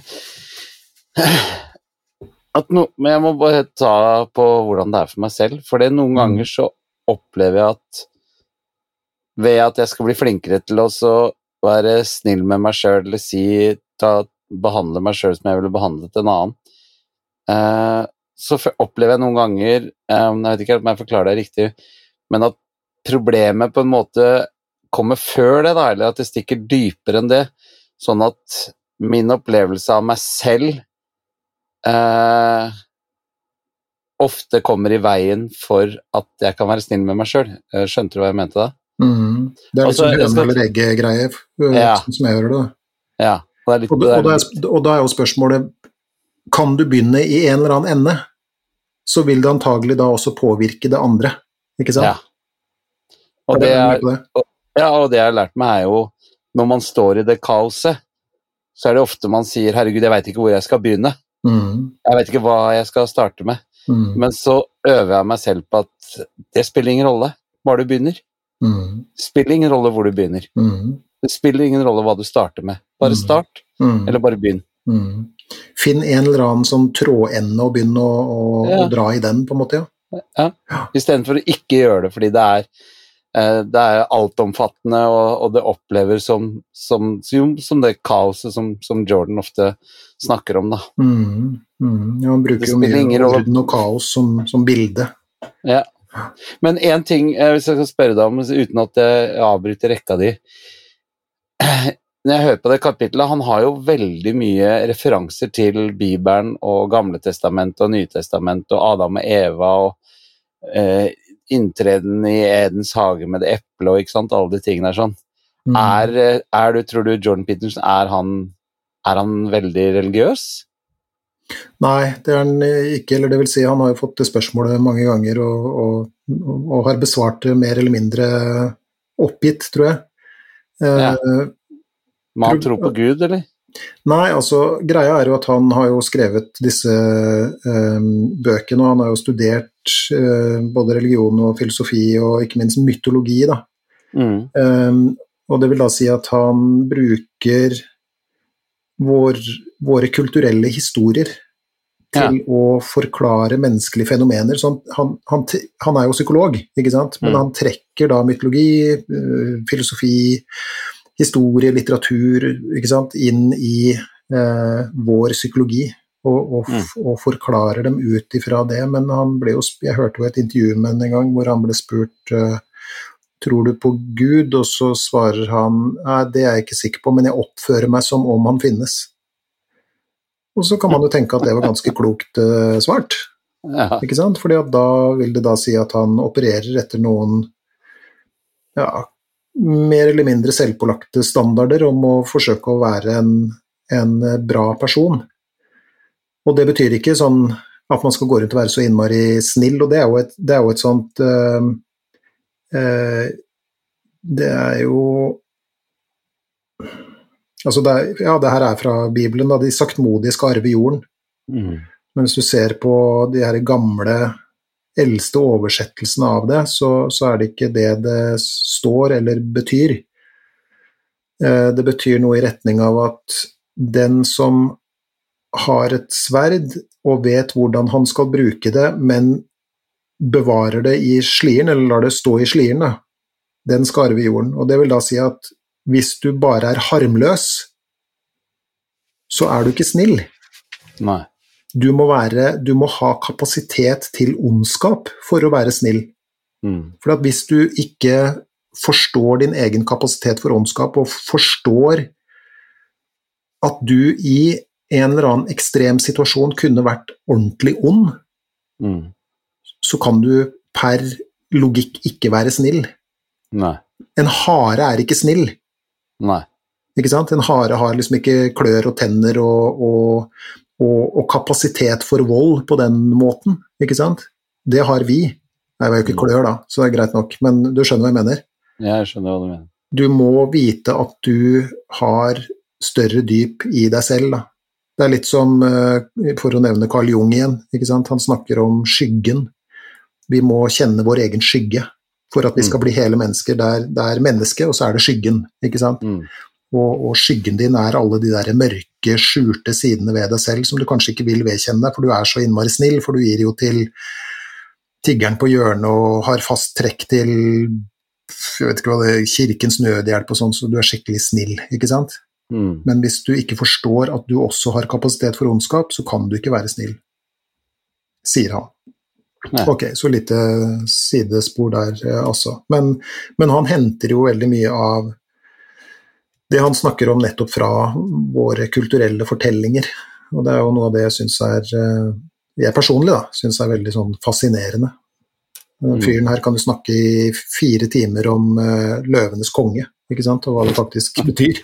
Ja. Så, eller kan bety, da. For det er jo ikke noe, noe klart svar på det, for så vidt. Men, eh, men eh, denne regelen vår, da. eh, Behandle deg selv som en som du har ansvar for å, å hjelpe. Og da er jo et sånn spørsmål er jo Kan du gjøre noe for deg selv i dag som du vil takke deg selv for i morgen eller i fremtida? Mm. i morgen i overført betydning. Da. Um, for vi er på Jeg tenker på det litt sånn med, med barna mine, f.eks. Altså jeg skal forklare et poeng nå, og da bruker jeg barna mine som eksempel. Okay, så Rett på utsida av det lille kontoret jeg sitter nå, så er det en sånn liten hylle, og så står det masse bilder bortover der. Mm. Eh, og de bildene er fra da barna var eh, små til de var sånn tidlige tenåringer cirka. Og, og hvis du ser på det på den måten som jeg nå vil at du skal se det på, da, så er alle de bildene av forskjellige personer. Og de personene er nå borte. Så min eh, fem år gamle sønn eller min elleve år gamle datter er ikke her lenger Nei. det er noen andre, ikke sant? Og når du våkner opp med partneren eh, din morgenen etter, så er ikke hun den samme.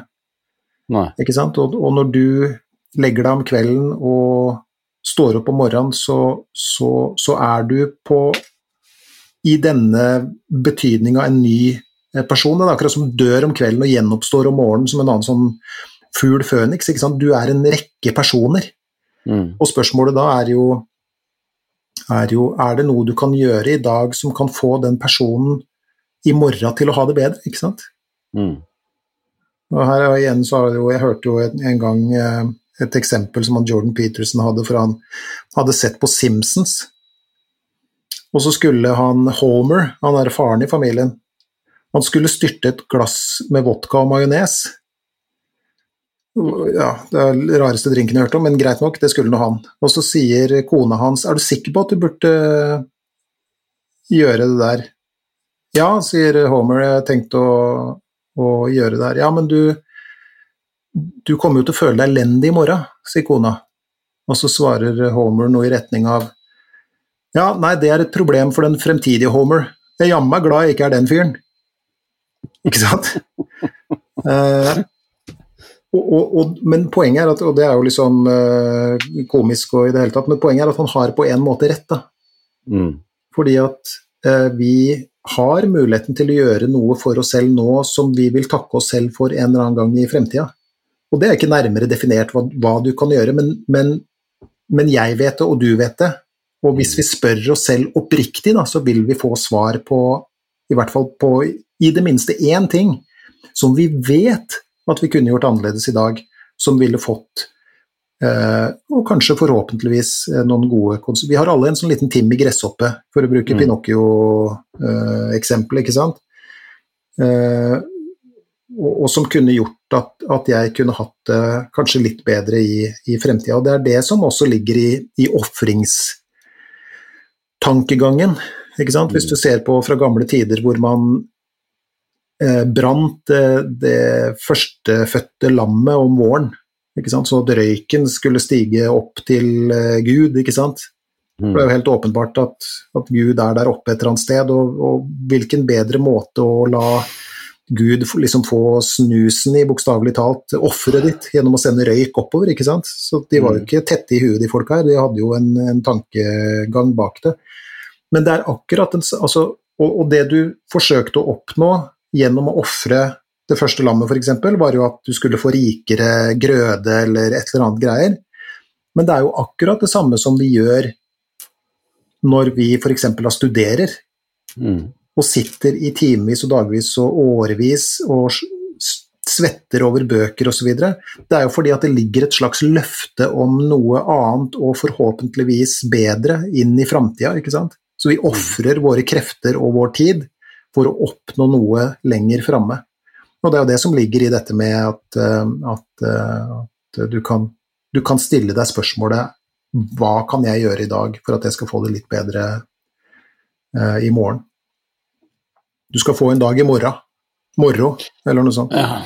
Med blanke ark og fargestifter til. Ikke sant? Og men Poenget er at det Prøysen prøvde å fortelle oss, er at vet du hva, det er faktisk nye starter hele veien. Mm. Ikke sant? Mikro nye starter, da. Mm. Du har muligheten til å, å, å, å gjøre noe som eh,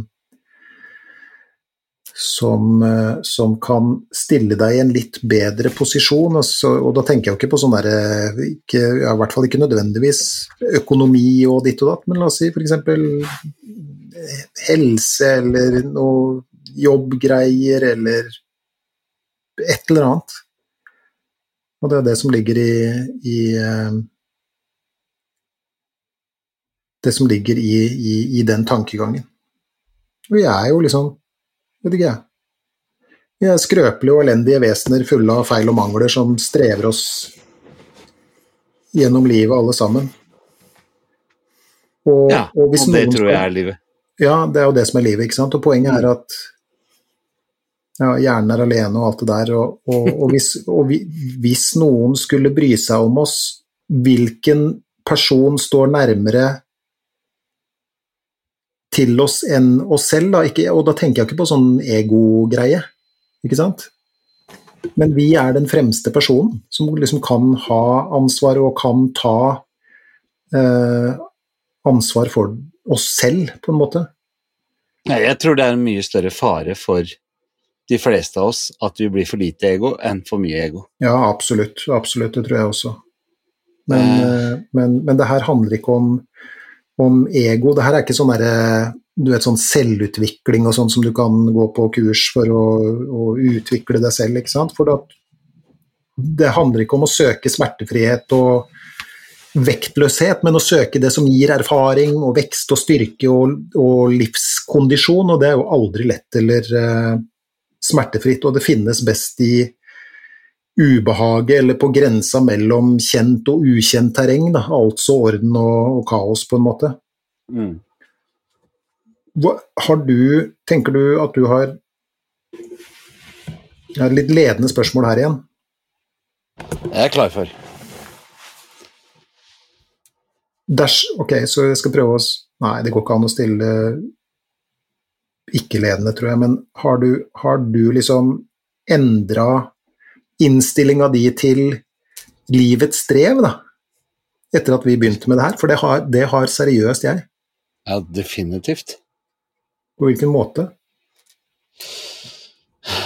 Ja, Når du sier dette her, mener du da podkasten, eller mener du vårt samarbeid fra dag én? Vårt samarbeid i utvida forstand, da. Ja, ja, det er i hvert fall ingen tvil om at uh, det aller største forandringen jeg har gjort, er jo at jeg bruker mye mer tid, energi og ressurser på å på å Å, vent litt.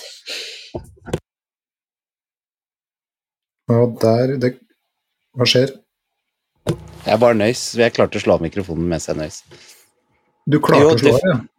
Jeg gjorde ikke det? Det er første gang. Jo, det er sant. Det var en helt lydløs uh, nys. Jeg, jeg, jeg, kjente liksom at jeg lot uh, den der øreproppen gli ut av øret, men det gikk, det gikk fint. Ja. Nei, jo, eh, eh, for å svare deg på spørsmålet ditt, eh, så jeg, bruker jeg mye mer tid, ressurser og energi på å bygge meg opp eh, og ikke misforstå uttrykket jeg bruker, men bygge meg opp og bli mer hardhuda. Sånn at eh, Mener du da jeg, eller? Nei, at jeg tåler bedre uroen eller det negative eller det mørke. Eh, mm. Istedenfor at jeg bruker tid, energi og, energi og ressurser på å prøve å fjerne det. Mm. Jeg tror at jeg har valgt en mer riktig kamp eh, med å tåle mer. Mm. Bære, bære mer? Bære mer, tåle mm. mer, og ikke eh, bruker noe særlig energi på skuffelsen over at eh, ting ikke blir sånn som det var da jeg var liten, eller før denne smellen kom, eller eh, ja, det symptomfrie, da, som vi har snakka om så mye. Mm. Eh, og gå rundt og være skuffa og jobbe meg i hjel for at jeg skal bli symptomfri, som jeg jo etter hvert har innsett er en, en ganske håpløs, om ikke umulig oppgave. Mm. Mm. Så eh, Og det har gjort at denne soldaten eh, tåler flere kamper enn han tålte før, uten å gå i kjelleren. Hmm. Ja, det syns jeg var en uh, For det første syns jeg det var godt å høre på, på dine vegne. Takk. Uh, og jeg tenker jo at, at da har du jo på flere måter egentlig integrert litt den sånn kunnskapen om, om livet og, og, og, din egen fungering, da. Mm. Ikke sant? Og, og, litt sånn som vi snakka om med tanke på vennskap også. altså Jeg tenker jo at og, barneoppdragelse og alt det her som vi har snakka om i, i, denne episoden. altså Den beste støtten eller hjelpa man kan få, er liksom å bli utfordra i, i passe doser. Mm. Og, og, det vil da si utfordre av andre, f.eks. en eh, venn eller en forelder, eller sånt, men, men også, eh, også, seg selv. Altså mm. at man kan være bevisst på og øve på å liksom være streng når man trenger det, men omsorgsfull når man trenger det. Eh, øve mm. på å vite når du skal være hva, liksom. Og Mm. det vil være å behandle deg selv som en du virkelig har påtatt deg ansvaret for å hjelpe. Ja, og så har jeg lyst til å legge til en liten, en liten kommentar til, og det gjør jeg også når eh, jeg reiser rundt og holder disse foredragene nå, for nå eh, har jo jeg gjort om en del av forestillingen til foredragsform, og du og jeg skal videreutvikle den også med en gang vi får stabla dette greiene her på beina her på Hurum. Mhm. Men eh, som jeg mener i hvert fall er viktig å si til mine medmennesker ut ifra egen erfaring Det her handler ikke, som du var inne på i stad, om at eh, før så klarte du det overhodet ikke, nå klarer du bare det hele tiden. Mm. Altså du går, Man går ikke fra null til 100 mm. eh, er min erfaring. Men hvis jeg klarer å gjøre de tingene som vi nå snakker om, 5% av tiden, da, mm. eller 5% av tilfellene, eller 5% av episodene jeg kommer opp i, så er det én million ganger mer enn før når jeg var på null. Mm. Og det syns jeg er litt sånn viktig å, å, å, å nevne at det er min erfaring at eh, hvis man klarer å gjøre det litt, eller man klarer å gjøre det av og til, mm. så, vil, så vil gevinsten av det være jeg, jeg vet ikke om enorm er riktig ord, men gevinsten vil være så stor, da. Mm. Mm. Ja. Og man må ikke gi opp fordi at man Nei, nå tenkte jeg sånn igjen, nå er jeg der igjen, nå er jeg sånn Ikke sant? Mm. Fordi eh, det er som du sa, når jeg går og legger meg om kvelden, slår av lyset, så våkner jeg om morgenen. Det eneste som Jordan Peterson jo sier, jeg husker ikke hvilket eh, kapittel det er, er jo å sammenligne meg med hvordan var jeg i går. Mm. Eller hvordan var jeg for en time siden, eller hvordan var jeg for en måned siden, eller hvordan var jeg for et år siden når dette her dukket opp. Mhm. Ah, Har jeg hatt noe som helst framgang på det området? Og hvis det er 1% så er det en enorm framgang. Mhm. Mm. Ja, bra. Jeg bare det er litt viktig å legge til det. Absolutt. Og det, det jeg hører da, er at du øh, har i bakhodet at du, du skal være tålmodig med deg selv. Mm. Ikke sant? Eh, og, og jeg støtter deg i det. Det her er ikke noe som er gjort uh, over natta, men jeg, jeg tenker at det starter med å få en slags bevissthet om hvordan vi faktisk har en tendens til å behandle oss selv. Da. Mm. Eh, og det er i den bevisstheten at den jobben eh, kan begynne. Eller trenger ikke å være en jobb engang for den del, men, men at det vokser fram av, av bevisstheten, og at vi tar noen eh, bevisste valg på at eh, dette skal ikke fortsette lenger, jeg skal begynne å øve på at dette ikke skal fortsette lenger. For, for la oss si at eh, en eller annen hadde ansatt en person som skulle gått eh, etter deg og fortalt deg hvor elendig du var, og at du ikke fikk til noen ting osv., så, videre, så så hadde det gjort noe med deg ganske, ganske raskt. Um, og, og jeg antar at ingen ville ha brukt penger på å ansette en sånn person selv. Nei. Uh, og da tenker jeg at at um, da skal vi heller ikke påta oss den jobben selv. Nei. Ikke sant? Eh, For det gjør oss ikke, det gjør oss ikke noe, noe bra. Og igjen, jeg snakker ikke om sånn Jeg snakker ikke om det her på en sånn sentimental måte, men, men, eh, men helt seriøst, ingen har godt av å bli behandla som skit, ikke sant? Nei. Eh, Så, så Og igjen, det er en, en av de tingene vi kan velge å øve på hvis vi har lyst. Og det er som du sa i stad også, som jeg opplevde i hvert fall, man kan begynne i de små med sånne hverdagslige ting. Så hvelver man et glass, eller mister man brødskiva. Det er kanskje der man skal starte først, med å slutte å kalle seg sjøl en idiot. Mm. Mm. Som ikke er noe krevende, og som ikke er noe farlig, som ikke er noe altoppslukende og stort problem, men det er en enkel, fin måte å starte på, og si at hvis jeg gjør noen tabber, og jeg gjorde det akkurat rett før vi gikk på lufta her, så hvelva jeg et glass med cola, og så står jeg og sier høyt, jeg sa det ikke inni hodet mitt engang, så sier jeg, er det mulig? Og så tar jeg meg inn og sier, ja, så klart er det mulig, det har jo skjedd mange ganger før, og det kommer til å skje mange ganger til. Det er Er det, jo derfor, er det derfor stetten på det glasset du drikker av nå er sånn halvknust? Ja, Ja, har du sett det? ja jeg så det. Ja. Mm -hmm. Mm. Så det er eh, og det, og det er ikke det første og ikke det siste glasset jeg kommer til å ødelegge. Nei. Nei. Eh, men det spiller jo Kaine rollen. Det spiller absolutt ingen rolle, og det, det, det gjør i hvert fall ikke at du fortjener å, å, bli kalt stygge ting. Nei.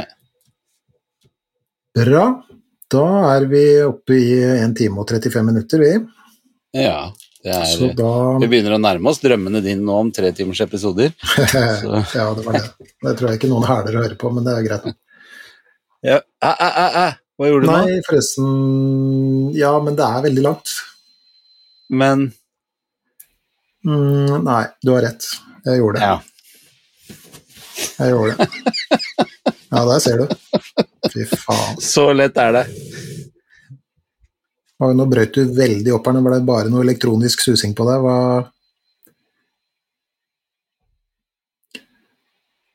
Ja, ok. Vi mista Tommy Steine fra Hurum. Han er helt ubevegelig og forsvant bare inn i den elektroniske tåka, så da er det åpenbart helt opp til meg å dra dette i land eh, selv. Så da sier vi som vi pleier å si. Eh, hvis du ønsker å komme med noen kommentarer eller spørsmål, innspill, ønsker til episoder, temaer osv., så, videre, så sender du en eh, e-post til gi litt mer f at gmail.com. Gi litt mer f i ett ord. Juløl. gmail.com. Gi oss gjerne en, eh, en eh, abonnementsklikk hvis du eh, har en foretrukken podkastplattform, og så hører du oss igjen om ganske nøyaktig to uker. Ha det.